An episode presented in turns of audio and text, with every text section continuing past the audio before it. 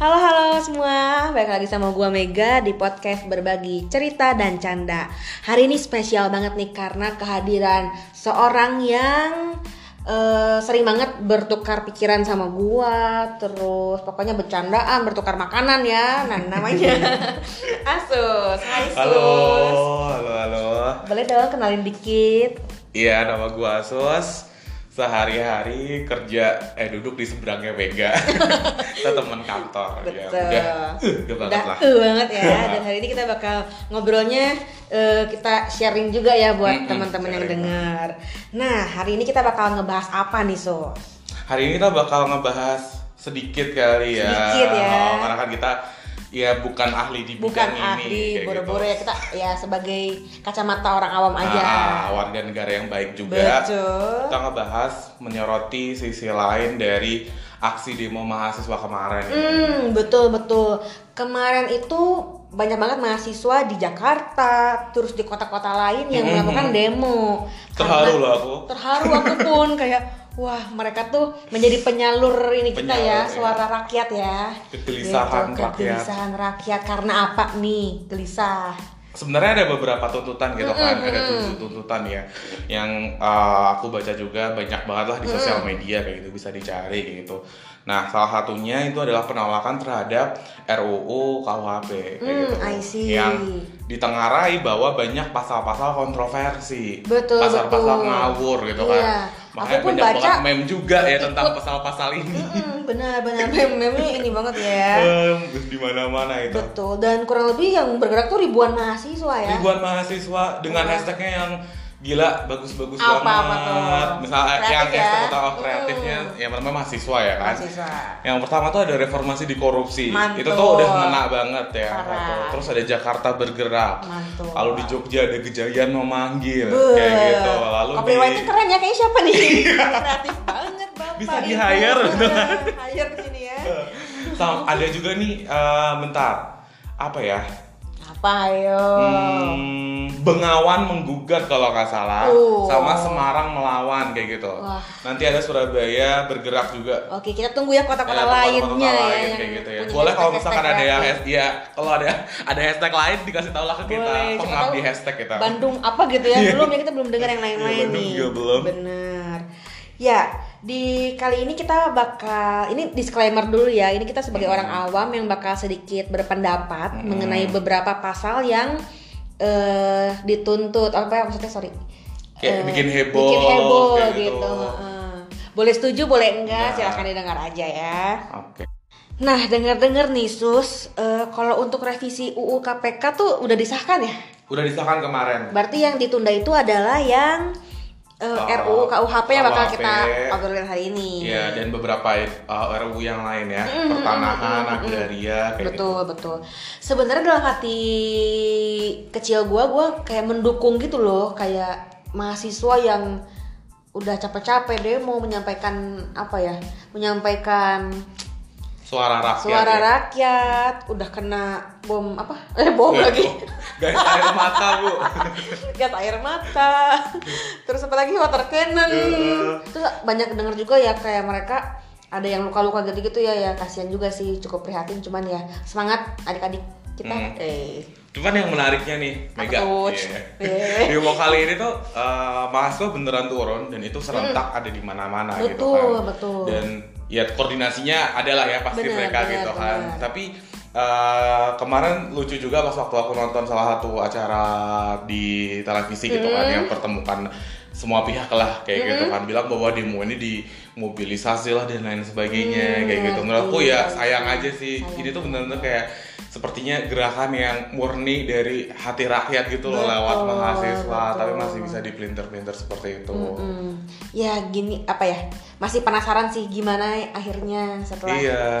kita berusaha gini ya maksud gue mahasiswa mahasiswanya gitu berusaha menyampaikan ya Hmm. makanya kita sebelum ini disahkan atau mungkin diapain kita pengen sedikit berpendapat, ya Berpendapat. nih kita dari yang pertama ya apa tuh pasal yang tentang, tentang korupsi. korupsi. Walaupun udah disahkan kita pengen sedikit kayak ngobrol. KPK itu pemberantasan Oh beda ya, ya beda. Maaf, ya Iya, Allah. Meskipun agak mirip. Agak mirip ya, oke. Oke, pasal RUU KUHP yang soal korupsi nih ya, kita bahas sedikit. Nah, gimana menurut kamu sus? Jadi kan eh, di rancangannya itu kan di pasal 603 gitu kan bahwa pelaku korupsi itu dihukum seumur hidup atau paling sedikit 2 tahun penjara dan maksimal 20, 20 tahun. tahun. kayak gitu. Sementara untuk eh, pelaku penyalahgunaan wewenang itu tuh pasal 605 yang pemberi suapnya itu satu tahun minimal dan maksimal lima tahun, tahun. juga. Sementara kalau CPN, eh, PNS sorry itu satu tahun dan maksimal enam tahun kayak gitu. Nah sebenarnya ini tuh udah, di- udah diatur dalam Undang-Undang Tipikor yang sebelumnya. Hmm. Kayak gitu. Lucunya adalah di kali ini di KUHP hukumannya justru lebih ringan. Kayak tadi kan satu dua tahun minimal eh, maksimal 20 tahun. Yang sebenarnya yang sebelumnya itu minimal 4 tahun. Maksimal di 20 tahun. Heeh. Jadi tahu kan bedanya? Ngerti, ngerti, ngerti, ngerti. Dari 4 tahun diturunin lah jadi eh diturunin namanya ya. Iya. Atau diturunin ya. Diringankan Itu- lah ya, jadi 2 tahun doang minimal di penjara kayak gitu. Terus yang tadi eh, masalah PNS kayak gitu kan. Yang satu tahun maksimal 6 tahun. Dulu itu tuh penjaranya ada berapa ini bentar. Eh, aku lihat dulu 4 tahun, 4 tahun minimal sampai dengan 20, 20 tahun tahun. maksimal. Nah, setuju nggak? Kalau diriku pribadi sih eh, kurang setuju ya. Jadi lebih meleluasakan geraknya para koruptor sih menurut gue. Gimana menurut Ya semu- semua orang pasti bakal nolak sebenarnya Yes, yes, gitu. yes. Kayak kenapa gitu kan? Alasannya apa gitu? Kenapa harus hukuman yang emang sudah selayaknya seperti itu sebelumnya justru malah diperingan Diperingan, kayak gitu kan. Nah, ini kan sebenarnya kayak kelihatan banget KPK lembaganya yang katanya fungsinya makin Betul. dikurangin kayak gitu kan. Terus sekarang hukuman buat koruptor makin dikurangin lagi Betul. kayak gitu. Kira-kira ya menurut kamu sus, kira-kira kenapa sih ini dibuat? Kayak apa sih tujuannya objektifnya? Kenapa kok diringankan? Kenapa gitu? Sedangkan eh, kasus-kasus korupsi itu justru makin banyak sekarang tuh kenapa diringankan? Kalau menurutku sih harusnya lebih diberatin lagi biar orang-orang nggak berani itu. Jadi tikus-tikus itu. Itu pertanyaan kita semua dan dan pada akhirnya Kok gue kayak nanya ke presiden ya, Iya. Eh, gimana ya? menyimpulkan sebuah jawaban yang istilahnya apa ya seuzon kayak berburuk sangka gitu loh Iya, iya. Aduh, jadi kita ini kita ini aja ya. Ya, kita kita mungkin logika sederhananya gini Mac kayak eh, pasal ini sebenarnya menguntungkan siapa merugikan siapa Iya, benar ya. nah gimana? otomatis koruptor yang lebih diuntungkan dong Iya, justru. nah pelaku koruptor lama ini banyaknya dari mana nih hmm. ya udah ya jawabannya mungkin lebih ke situ Lebih gitu kali ya, Silakan silahkan disimpulkan masing-masing sendiri disimpulkan ya. Jadi ya intinya kalau dari kami sih kurang kurang setuju ya. Coba kalian gimana? Lanjut. lanjut pasal yang kedua, soal korupsi ya. Heeh, yang tadi korupsi udah ya. Jadi ya kita kurang setuju dengan memanjakan para koruptor ya. Yang kedua itu adalah pasal RUU KUHP tentang penghinaan presiden. Kalau dari kamu gimana sus? Kalau dari aku sih cukup apa ya? Cukup setuju maksudnya ya jangan kita jangan menghina presiden secara gimana banget cuman takutnya ini pasal karet banget nih. Jadi kita jadi sangat apa ya? Kebebasan berekspresi itu jadi jadi berkurang gitu. Menurutmu gimana? Oke, sebenarnya kalau kita tujuannya sebenarnya baik gitu kan, Baik, iya. untuk uh, menghormati martabat presiden, Dan Terus juga- presiden, ya. dan pasal ini juga dikembangkan ke dalam uh, pemerintahan yang sah sebenarnya, berarti di situ termasuk menteri dan lain sebagainya, Hmm. Betul, gitu kan, betul. menghormati, oke ya. Ya, menghormati ya. Cuman makin lama kata menghormati ini tuh bisa di bisa diselewengkan jadi hal lainnya kayak gitu, nah, Mek. betul. Kayak misalnya kayak bisa secara nggak langsung ini tuh bisa jadi juga uh, orang menafsirkan ini salah satu cara bagaimana pemerintahan yang berkuasa, berkuasa tuh menutup diri kayak gitu. Hmm, Karena kan penghinaan uh, kritik bisa termasuk penghinaan. Iya. Meskipun kayak abu-abu gitu kan Rana. Iya, nah, abu-abu, abu ya. Rana abu-abu inilah yang sebenarnya susah gitu loh. Di- ini yang bikin ini ke mana nih? Iya, kayak Gitu. gitu. Ini bisa jadi alat buat uh, apa namanya? Ya kita nggak mau bilang pemerintah dan siapa gitu Betul, kan ya. betul, Cuman ya betul. pasal ini tuh bisa bisa sangat bisa banget buat mengkriminalisasi warga kayak gitu masyarakat. kayak Misalnya gitu. nih mau nanya, kalau ada kan sekarang banyak ya kayak orang kayak dimirip-miripin sama presiden. Heeh. Nah itu apakah bisa termasuk menjadi penghinaan? Ya itulah, termasuk Ya kan? kemarin kayak mengikuti kemarin, logat kayak uh-nya gitu kan. termasuk kemarin so- salah satu koran koran yang cukup kredibel ya, Mm, yes. Hmm. yang bikin posternya, poster utamanya foto presiden dan ada backgroundnya Pinocchio. Ingat gak? Oh my god. Ya, ya, itu aku kan tahu. jadi memasalahkan juga kan Hmm, masuk ke RUU ini dan lain sebagainya kayak gitu. Nah, Nih ruang-ruang gerak rakyat dan ruang gerak media ya. Ya, ah, itu Semakin serem ya, kayak melangkah sedikit ada bom gitu. nah, tapi kemarin Kayak main mini sweeper, Beb. Keinjek ini lagi kemarin eh, pernah di, pernah ada yang bilang juga bahwa presiden sebenarnya udah menyetujui kalau pasal ini dihapus Hmm. Oh. tapi DPR gak mau Iya. kayak gitu Ya, sebenarnya sepakat- DPR ingin- melindunginya ya. iya gitu kan ya nggak tau lah ya Iya, iya, iya. Boleh disimpulkan lagi. merasa, aduh, aku terlalu eksklusif gitu ya. Padahal dia ya ya gitulah ya. Nah, silakan simpulkan sendiri. Selanjutnya, nah ini nih agak-agak ini ya. Eh, mampus lu. Mampus. Eh, kaget kan. Ya, ini adalah pasal RU KUHP soal penghinaan bendera. Bendera kita kan bendera merah putih ya, sang saka ya. Nah, ini gimana nih? Sus mengenai KUHP ini, RU ini. Eh, pasalnya ada di 234 dan 235 Mm-mm. di mana di 235 mungkin aku bacain kali ya, Ya. yang diatur denda maksimalnya 10 juta 10 juta bagi mereka yang uh, memakai bendera negara untuk reklame atau iklan komersil mengibarkan bendera negara yang ini tolong ditandai Ya, rusak. rusak, robek, luntur, kusut atau kusam. Oke. Hmm, Sama ketiga. ketiga C uh, mencetak, menyulam, menulis huruf, angka, gambar atau tanda lain atau memasang lencana atau benda apa pun pada bendera negara dan D memakai bendera negara untuk langit-langit atau pembungkus barang Tutup tutup, barang yang menurunkan kehormatannya. Oke, kita bahas satu-satu ya. Oke, kita Mungkin bahas dari yang satu-satu, pertama, oke. memakai bendera negara untuk reklame atau iklan komersial. Hmm. Nah, ini sih mungkin gue banyak eh, lihat ada orang yang bikin poster, terutama yang udah deket-deket ke Agustusan, Mm-mm. Yang backgroundnya tuh merah putih, tapi di depannya tuh kata-kata kayak "Eh, hadirilah acara ini, terus eh apa ya, ya itulah menurut gue emang kurang Panggung sih. Agustus, Iya, panggung Agustus. kemerdekaan gitu ya. Oke. Jadi ya emang itu gue setuju sih untuk yang hal ini. Setuju Kayak, ya. heeh. yang kedua, yang kedua mengibarkan bendera yang rusak, robek, luntur gimana Hmm. nih menurut bapaknya? Ini aku cerita aja ya, pengalaman Boleh, boleh. pribadi kayak gitu kan. Jadi kalau untuk beberapa Nggak masang yang jadi merah jadi pink kan? Enggak kan?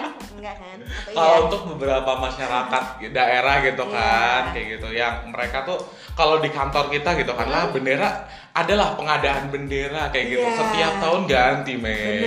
Kayak gitu tapi untuk beberapa Besar, bersih, Iya, baru yang nggak baru kusut, keren. aman ini pasal nggak bakal kena kayak gitu kan Namun- namun untuk orang-orang di desa kayak gitu Iya. kan yang mana eh, kita nggak ngomongin masalah ekonomi deh Betul. tapi bendera tuh bukan salah satu prioritasnya dia gitu loh Iya, benar. bahwa mungkin mereka bisa dibilang kayak lima tahun atau 10 tahun sekali lah baru beli bendera Baru lagi, betul. kayak gitu dan itu tuh ya bisa dilihat benderanya pasti ada yang warnanya udah luntur lah Iya, atau mungkin ada nggak sengaja ada noda Heeh, mungkin dari yang tahun sebelumnya. ada yang sobek juga Iya, kayak iya, gitu benar. misal kayak kita ya kasihan mau- juga ya, Pak. ya kasihan juga 10 juta yang Iya, untuk bendera. kasihannya tuh di situ gitu Iya, iya di situ sih. Ya. Bayangin deh kan, udah nasionalisme gitu kan kita Agustusan disuruh oke, bendera oke pasang. ya.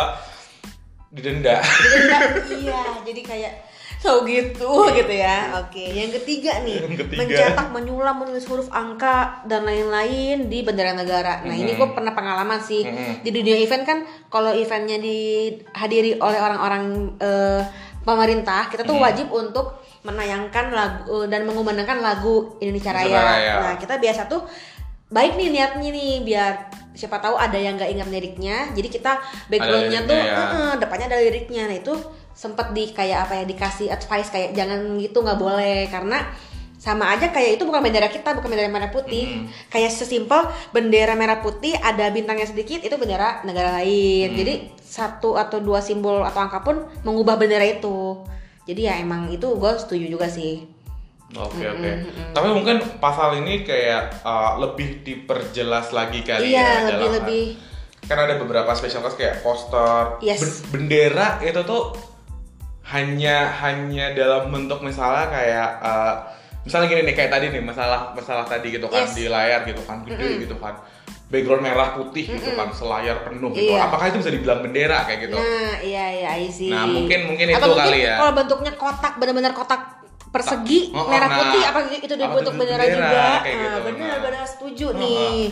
Dan yang keempat nih, memakai bendera negara untuk nih memakai bendera negara ya, bukan memakai apa pun yang ber, berwarna merah putih ya ber- eh, untuk langit-langit atap pembungkus barang tutup barang yang menurunkan kehormatannya.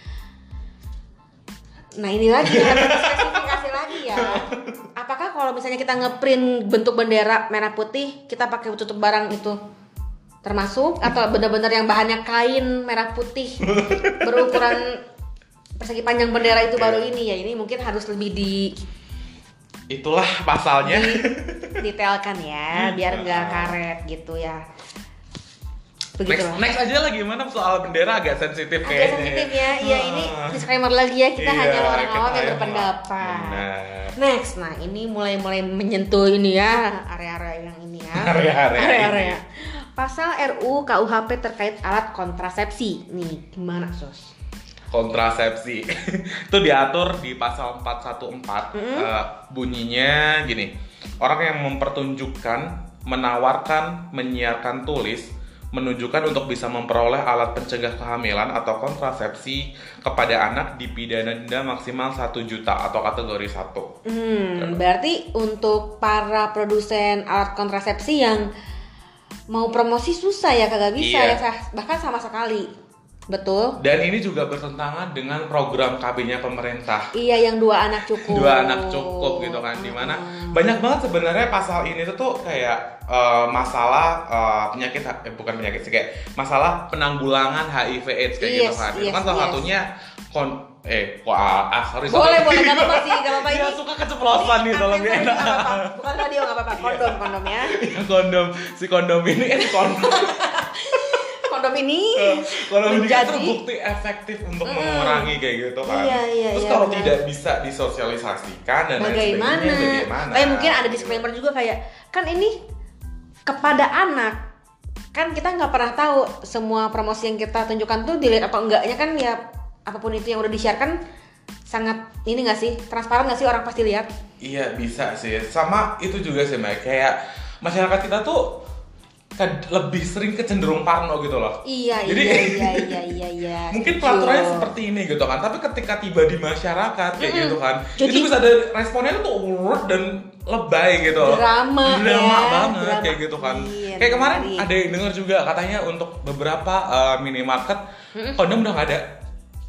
Susah beli Padahal ini di belum mana sah juga makanya susah beli di mana ya. Nggak, maksudnya kalau orang-orang kan Oh iya, bukan buat kamu kan. ya? bukan lah ya Allah amit-amit ya jangan baik kayak gitu gitu loh. Nggak, itu kalau orang-orang yang maksudnya eh misalnya anaknya dua nih, Hmm. kan mendukung nih pemerintah kan dua anak cukup siapa tahu mau melakukan dan mem- memakai kondom tersebut mau Hmm. beli di mana susah dan lain-lain ya malah jadinya beranak banyak kan beranak pinak jadi sulit nggak mau dukung Mm, jadi ya Kayak gitu lah. berat lah ya. Terus dengar-dengar juga katanya mm, ini pun meng- menghambat penyebaran info soal kesehatan reproduksi. Mm-mm. Jadi ya, ya itu dia sih. Ya intinya kita mah ngikut sih ya, cuman Sih ya. cuman ya nggak gitu-gitu juga lah gitu-gitu ya. juga, Oh. mm-mm. Kayak apa?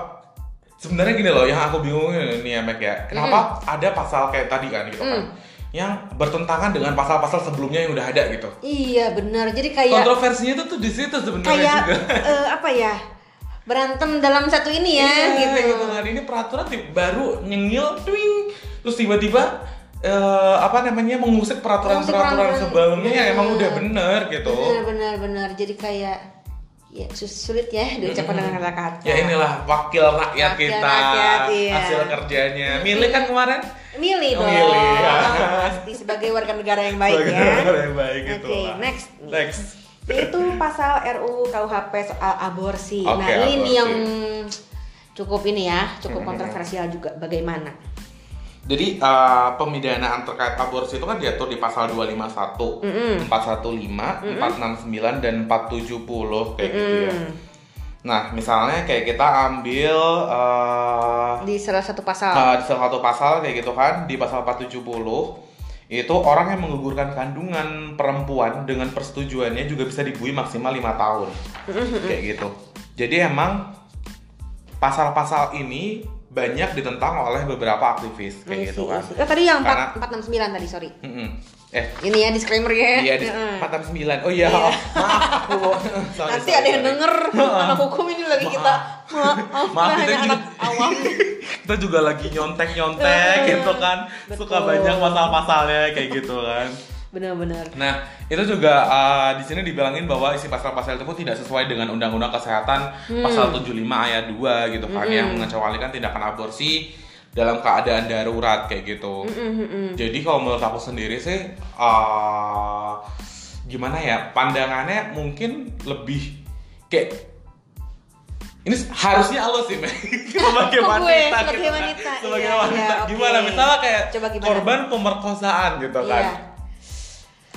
Anak yang tidak diinginkan gimana Wah, gitu. itu tuh berat banget gak sih? Maksudnya misalnya ya amit-amit, ya ampun, misalnya gue gitu diperkosa sama orang yang gak diinginkan di jalan raya Ah. misalnya, ya pasti kita nggak mau dong gitu. Maksudnya pasti ada niatan ingin aborsi karena ini bukan anak yang kita inginkan da- dari orang yang kita inginkan, apalagi gak Hmm. kenal lagi. Pasti kita pengennya aborsi, cuman ya itu dia. Itu dia gitu kan. Maksudnya dibesarkan tidak sayang, dibunuh juga ya, sa- ka- ya Kena pidana, kena pidana dan gitu kan. maksudnya dosa juga. Jadi ya serba salah sih mungkin Serba di salah. posisi yang ini ya. Hmm. Dibilang setuju ya, mungkin ini mungkin kalau dari sisi pemerintah mikirnya agar orang-orang tidak berani untuk melakukan seks be- seks be- seks ya, bebas yang berakibat Beresiko. beresiko. Tapi ya gitu mungkin kalau di kriminalitas yang kayak pemerkosaan ya gimana ya? Nah, cuman aku lebih mungkin eh, ngebahasnya gini kali ya Mac ya. Kalau Gimana? aku aku nggak lihat, aku lebih ngelihat ke kayak ini ada di ranah mana sih sebenarnya Yes. gitu. Masalah aborsi, masalah aborsi itu kan ada di ranah kayak misalnya tadi kenapa aku balikin lagi ke Mega gitu kan Iya. sebagai perempuan gitu kan. Ah. Ya harusnya itu kan urusan Mega Yap. dan anak ya dan Iya, calon anak ini iya, yang iya, dikandung iya, kayak gitu. Nah, benar. artinya kan urusan pribadi ya, urusan Iya. privasi kayak gitu kan. Sampai di ini ya. Iya, sebegitu masuknya kan negara sampai ke hal-hal semacam ini. Nambah kayak kerjaan gitu. ya, Pak, ya. Iya, nambah kerjaan juga kayak oke. gitu. Tapi memang ini yang paling jadi korban adalah uh, Para perempuan apa, sih, uh, ya. uh, perempuan korban pemerkosaan sih. Semangat guys, para wanita yang lain. Oke, next ya. Next ya. Masuk nih. Ini Ini solo. seru seru seru seru. Oke, Ini seru banget. Oke, ini pasal RUU KUHP soal gelandangan. Gelandangan. Kasihan, Pak. Kasihan. Itu diatur di pasal 431. Heeh, yang Uh, apa tuh? Yang mengancam gelandangan dengan denda maksimal 1 juta. Udah nggak ada uang, didenda juga. Bagaimana ini? Jadi gelandangan di sini dimaksudnya adalah yang terlunta-lunta di jalanan kayak Oh, gitu, kan. gitu, Dan itu juga iya. disebutkan bahwa eh, apa namanya kesalahan dalam hidupnya. Jadi orang tidak gelandangan di sini adalah orang tidak berguna yang berdasarkan ala eh alasannya adalah karena kesalahan dalam hidupnya Iya, gitu jadi ya ya suruh siapa lo jadi gelandangan Ah. kasarnya gitu ya kasarnya jadi ya ya itu salah aja gitu ya sebenarnya. Pertanya- pertanyaannya juga adalah itu udah gelandangan gitu kan. Katakanlah beneran ini gelandangan gitu kan yang di ya di Jakarta banyak. Iya. Ya kan? Heeh. terus dia ada di pinggir habis itu terus ada operasi. Iya situ gelandangan nggak punya rumah dan lain Denda. sebagainya terluntar-luntar di jalan denda satu juta. Buat makan aja Meg itu susah, susah. Baju juga itu itu aja misalnya ya kasarnya gitu gimana? Harusnya ya negara bisa lebih mengayomi, mengayomi justru sih ya, memberikan pekerjaan mungkin atau apa Heeh. bukannya justru membebankan lagi mereka Iya, mereka justru kayak terbebani gitu Nah, mungkin niatnya baik ya artinya Iya. kayak mengurangi gelandangan tapi caranya tuh Mbok yo dipikir lagi gitu iya, loh coba dicari cara yang lain Iya, ya, jangan jangan seperti lebih ini. ke harusnya tuh lebih ke cara-cara yang persuasif gitu kan ya. Yes, pencegahan betul, ya itu juga pencegahan, ya iya. preventif ding Mm-mm, mm-mm. Mm. Ini gue yakin nih gelandang-gelandang yang denger udah udah dari duk der. Kayak aduh gimana ya guys? Kita harus ke mana nih? Gitu kan. Nah yang lucunya lagi di pasal ini juga uh, gue nggak tahu sih tepatnya di angka yang berapa katanya wanita pekerja yang pulang malam dan terlunta-lunta seperti gelandangan itu dianggap gelang- gelandangan juga kena bisa denda. dipidana bisa kena denda Bapak nih ya sebagai saya wanita pekerja yang su- suka pulang malam karena emang pekerjaannya juga loading ya. Loading ya Pak. Harus pulang juga. Udah itu buat nambah-nambah kerjaan. Eh. malah didenda lagi. Ya Allah jadi ya gimana ya Pak? Itu kecenderungan wanita karir startup sekarang gitu ya. Iya jadi Pak nggak maksudnya eh, boleh mungkin dijelaskan terlunta-luntanya tuh sampai batasan mana uh, nggak punya rumah bisa katakan lah ya Iya. tapi kan posisi kamu punya emang udah punya rumah di sini Iya, nggak ada enggak kan kan, kosan Ya, gitu. kayak ya itulah atau mungkin misalnya sekontroversi ini loh Bener. Orang-orang lihatnya, ih ini kayaknya cewek kayak terlunta-lunta deh. Misalnya gue tergopo-gopo gitu ya, capek gitu habis loading ya. Terus gue lagi jalan, nah, gitu. gue lagi mau jalan ke kosan nih. Langsung ditangkap kayak, pas ya ada kosan, kamu terlunta-lunta. kayak, aduh gue gimana gitu. Kayak, mohon diperjelas lagi aja gitu ya. Jadi, sekali lagi netizen kita lagi ngobrol lagi santai ngobrol aja santai ya. Ini gak serius. nggak serius kayak gitu Dari tadi wanita lagi, wanita lagi. gitu ya. Tapi pindahnya apa? Lu gara-gara efek patriarki kali ini. Mungkin ya. Oke, lanjut nih Lanjut, mulai lanjut, ya. lanjut. Kita di pasal RUU KUHP tentang zina dan kohabitasi. Bagaimana nih? Jadi kohabitasi itu kalau misalkan orang eh, bahasa awamnya tuh kumpul kebo. Mm-mm. Jadi kayak eh, sepasang eh, pasangan yang Ah. tinggal dalam satu rumah padahal dia belum, Belum punya status yang Iya, resmi ya istilahnya. Ya ini ya status resmi. Mm-mm, resmi. Resmi, yang memang gitu. sudah mungkin menikah secara sipil dan lain-lain kayak ya. Gitu ya. Ini diatur di pasal eh, 417 dan 419 kayak gitu. Eh, aku sebutin satu aja ya mungkin ya. 417 mengatur hukuman bagi mereka yang berzina maksimal buih satu tahun atau denda 10 juta kayak gitu. Tuh. Tapi pidana ini diatur sebagai delik aduan dari suami, istri, orang tua, dan anak. Nah, sementara kalau buat pasal 418 tuh uh, orang yang melakukan pelaku koha- kohabitasi tadi, si kumpul kebo tadi, Betul. bakal dipenjara 6 bulan dan denda 10 juta kayak gitu. Ini juga delik aduan dan tahu nggak siapa yang I harus see. mengadu yang bisa mengadukannya ini Siapa tuh? salah satunya adalah kepala desa. Oh, baik. Oke, tadi yang Baik. zina delik aduan diadukan oleh uh, orang tua, anak, suami atau istri. Betul. Jadi kalau misalkan Mega gitu kan Aduh. diadukan ibunya Aduh, atau mama. bapaknya gitu kan, mamanya kayak gitu kan melakukan zina kena nih pasal. Oke. Atau termasuk misalnya kayak kita, ini kita lagi lagi kita lagi bayangin aja ya. Bekerja kan ya. kadang suka ada keluar kota. Nah, keluar kota apa. gitu kan sebagai temen buat hemat budget atau Ya Allah, traveling kagak misalnya kayak ngapa-ngapain gitu, ya. Iya, Kagak gitu. rasa cinta juga gitu ya. Ya mau gimana ya daripada tidur sendiri sendiri dua kamar misalnya satu juta ya banget. mending lima ratus ribu berdua nggak sih? Betul. Dan ini justru eh dan ini juga masuk ke pasal yang katanya ini hanya untuk mengpres Y pun tetap masuk Iya. kena denda. Kita bisa dipidana tadi. Udah kerja keluar kota, lelah dipidana juga bah. Aduh. Hmm, ya ini, mungkin kita kurang kurang. Ini untuk kesekian kalinya negara Iya. hadir di ruang-ruang privat benar benar. masyarakat gitu loh. Benar-benar. Rakyatnya gitu loh. Betul, waduh gimana ya. Bahkan ya dulu gue di ada di pernah sempet kayak kita nginep di kayak villa gitu kayak kan kadang suka farewell party sama Hmm. teman kelas 11, 10, 12 gitu Hmm. kayak yang yuk kumpul yuk kayak kita berdua puluh di satu villa itu kan kagak punya ikatan semua pak Mm-mm. dan nggak nggak ngapa-ngapain juga sebenarnya barbekyuan gitu tapi ya kadang-kadang kalau tiba-tiba kepala desa datang gitu kan, kalian Waduh. semua siapa berpasang-pasangan, gak ada status resmi kayak Waduh, gitu, heeh. kena pidana. Sama ini nih, yang menarik adalah si status resmi tadi kayak Gimana, gitu kan. gimana, gimana? Karena kan sebenarnya kayak eh, itu kan diperoleh berdasarkan catatan sipil ya. Jadi dia harus mendaftarkan dulu kayak gitu kan. Pokoknya harus intinya punya buku nikah lah. Mm, Biar itu bisa diakui negara bahwa mereka pasangan. betul Tapi gimana dengan pernikahan hukum agama misalnya kayak gitu? Hmm, yang gue. yang emang kalau misalkan di agama aku kayak ya ibarat kata kayak bisa dibilang nikah siri kayak gitu. Itu nggak ada catatannya gitu. waduh Tapi mereka ada sah secara agama. nggak? ada sertifikatnya Gak ada juga, tapi mereka sah secara agama, ada saksinya juga. Nah, Tapi kan di sini nggak nggak bisa masuk. ya. Nah, Heeh, iya. heeh. Ah, terus belum lagi ini yang agak kepercayaan-kepercayaan yang lain gitu kan Betul. masyarakat daerah yang mungkin susah gitu buat dapetin akses untuk eh, dokumen resmi pernikahan kayak Iya, gitu.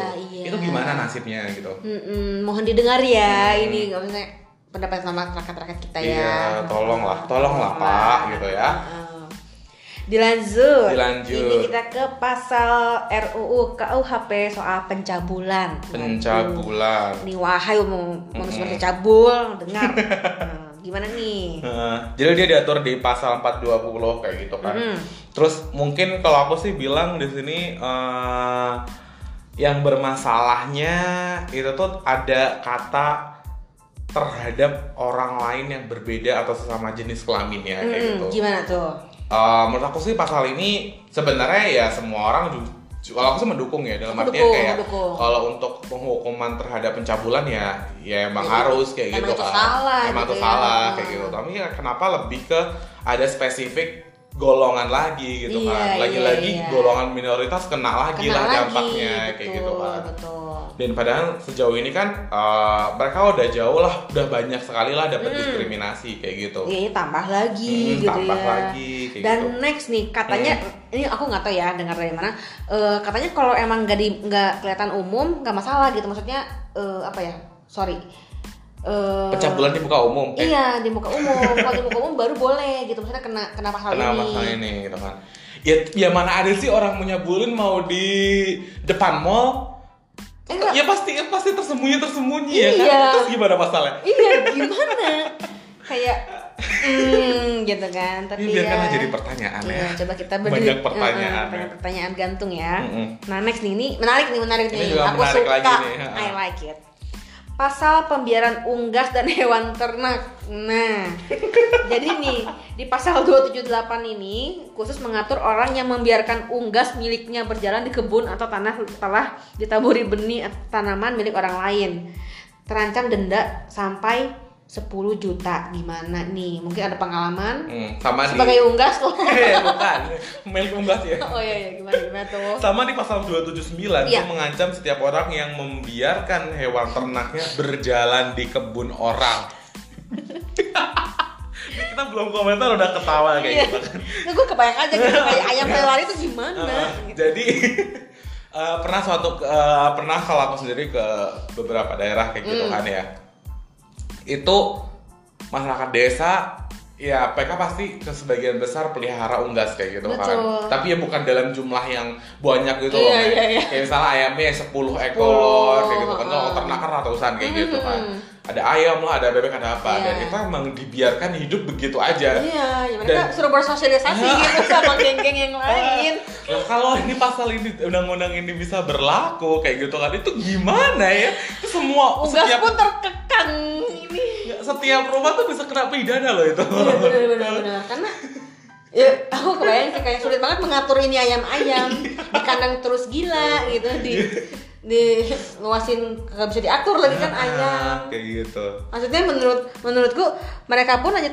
misalnya ya rumah kita sebelahan nih ayam lu jangan ke ke tanaman taman gue ya udah sih gitu nggak akan Hmm. Iya. nyuri perhiasan gue juga gitu kan Oh. maksudnya bukan yang gimana banget kayak Aduh. Lucu ini soal unggas ya. iya soal unggas ini menarik ya unggas pun sudah mulai ter kena Terkena dampaknya bener, gitu. semangat ayam Mungkin unggas yang ya lain. boleh lah kayak gitu kan mungkin kayak kecurangan sebenarnya juga enggak gitu kan. Kalau misalkan nggak dirugikan itu masuk pidana juga apa enggak ya? Hmm. Nah, ya tahu ah. tahu ah Eh, gitu namanya ya. juga undang-undang kontroversi ya. Betul, kontroversi sekali. Kontroversi sekali. Dilanjutkan nih ya, yang Hmm. ini yang emang selalu Ya, ini sekilas ya. aja kali ya. Ini ada pasal RKUHP tentang tindak pidana narkoba. Hmm. Gimana tuh? Kayak kalau aku sih ngeliatnya di sini lebih ke kan dia tuh di pasal 611 616 gitu Mm-mm. kan.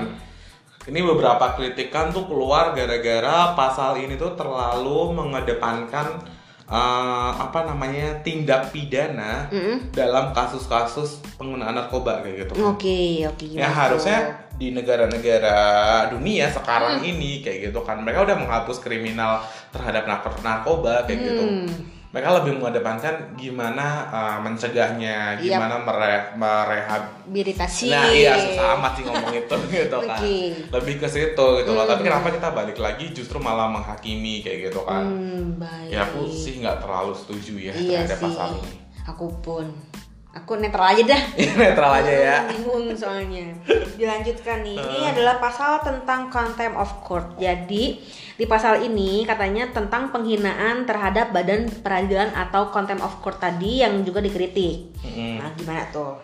Jadi di sini tuh eh, salah satunya di pasal 281 huruf B Mm-mm. mengatur pidana denda 10 juta bagi mereka nih ya 10 juta bagi, Bagi? mereka yang bersikap tak hormat terhadap hakim atau persidangan atau menyerang integritas hakim dalam sidang peradilan kayak gitu kan. Mm-mm. Sebenarnya kayak bersikap tak hormat pun menurut aku tuh Banyak lebar, lebar gitu. banget, lebar banget, umum banget sih, Iya kayak gitu kan dan itu bisa ini juga sama dengan presiden tadi Yes. kayak apakah kritik itu termasuk bertidak Tidak hormat, hormat, gitu bener.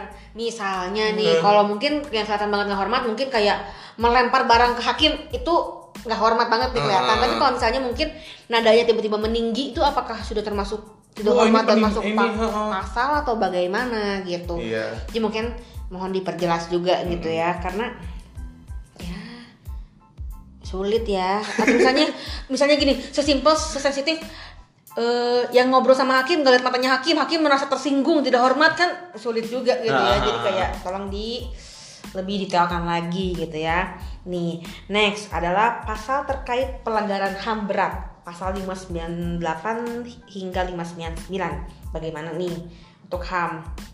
Sebenarnya kalau kasus ham itu tuh eh, agak berat ya kan kita ngomongnya Iya. kita skip jadi aja kali jauh, ya. pas- Heeh. kasih skip Soalnya ya. ini kita kurang kurang menguasai ya Iya, dibanding yang lain. Jadi kayak gitu kita cari yang ini ya. Nah Hmm. ini kita mungkin kita kasih harapan aja kali ya. Iya. ya. Sebenarnya kayak kalau kita bicara masalah HAM, semua orang eh, punya hak yang punya haknya masing-masing kayak Betul, gitu kan dan betul. hak hak hidup itu pun juga dijamin oleh negara Hmm. gitu kan ya. Kita berharap undang-undang tuh justru nggak malah mem- apa namanya meringankan pelaku pelanggar HAM kayak betul, gitu. betul, betul. Setuju. Setuju ya. Nah ini mungkin yang agak nggak kepikiran tapi ternyata eh, ada juga Hmm. apa coba? Pasal santet. oh iya kemarin. Di pasal 252 katanya pidana penjaranya paling lama 3 tahun. Nah, Lima tahun. ini kalau Gimana? bakal singkat, katanya Aku gini. bayangin ini. Jadi kalau ada pelaku santet yang na- korbannya nanti tuh merasa kesakitan, Heeh. eh, mati dan sebagainya, dia tuh bakal dipidana Muntah itu, keluar paku gitu keluar ya. paku kayak gitu. Eh bukan Nah. bukan pelakunya dong. eh, Iya, pelakunya. iya. Tapi ya ini tuh tuh gini ya, gini. Nih, gimana nih sebagai Kalau- pelaku? Bukan pelaku ya. Gimana Kalau nih? aku anggapnya sih hukum itu kan harus sangat jelas pembuktiannya, Yes, logis betul. gitu kan. Ingat banget pas waktu kita ngikutin sidang eh, sengketa pilpres. Yap. Bilang katanya aja itu nggak bisa gitu Nggak bisa, kan. nggak bisa. harus, Harus melihat eksak langsung gitu, Heeh, heeh. bener kan kalau nggak ngeliat ya berarti nggak bisa jadi saksi kayak gitu kan nah apalagi misalnya ini santet pembuktiannya gimana Betul, Mega betul. dan ini pasal ini sangat sangat sangat mudah sekali disalahgunakan kayak gitu Betul sekali. misalnya kayak aku sakit gitu kan Terus bisa aja tinggal ngomong ini ini santet sama si ini. Mega nih yang nyantet Iya. Terus gue ah lah bener nyantet. Jadi enggak lah gue tiga, tiga ini tiga tahun gue eh di Pidana. pidana. Iya.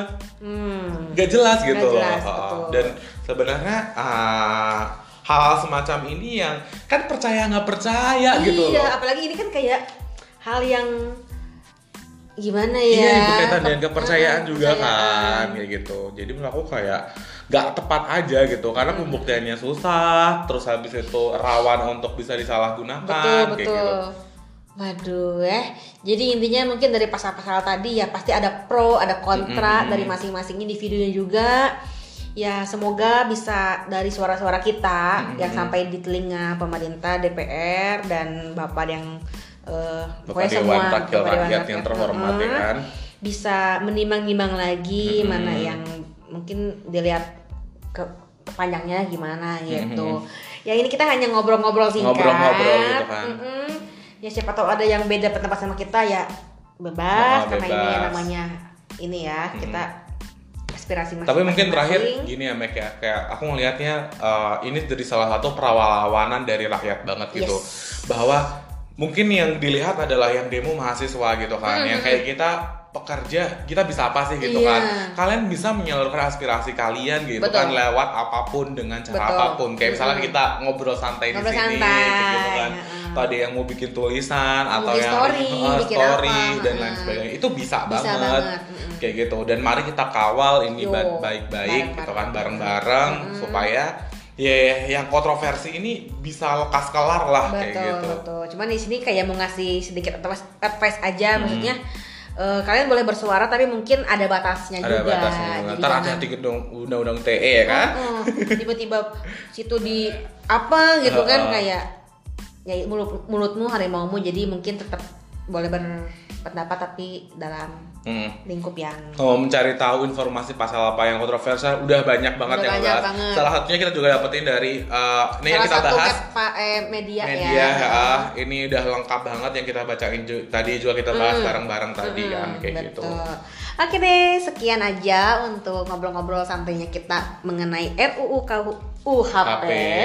Eh, semoga apa ya bermanfaat ya. Semoga Semoga tercerahkan Semoga lah bagi yang belum juga. tahu gitu kan ya. Eh, yang mungkin benar-benar apa ya nggak nggak mau tahu tapi ya kalian harus tahu juga ini negara kita juga ya oke sampai jumpa di podcast selanjutnya bye Bye.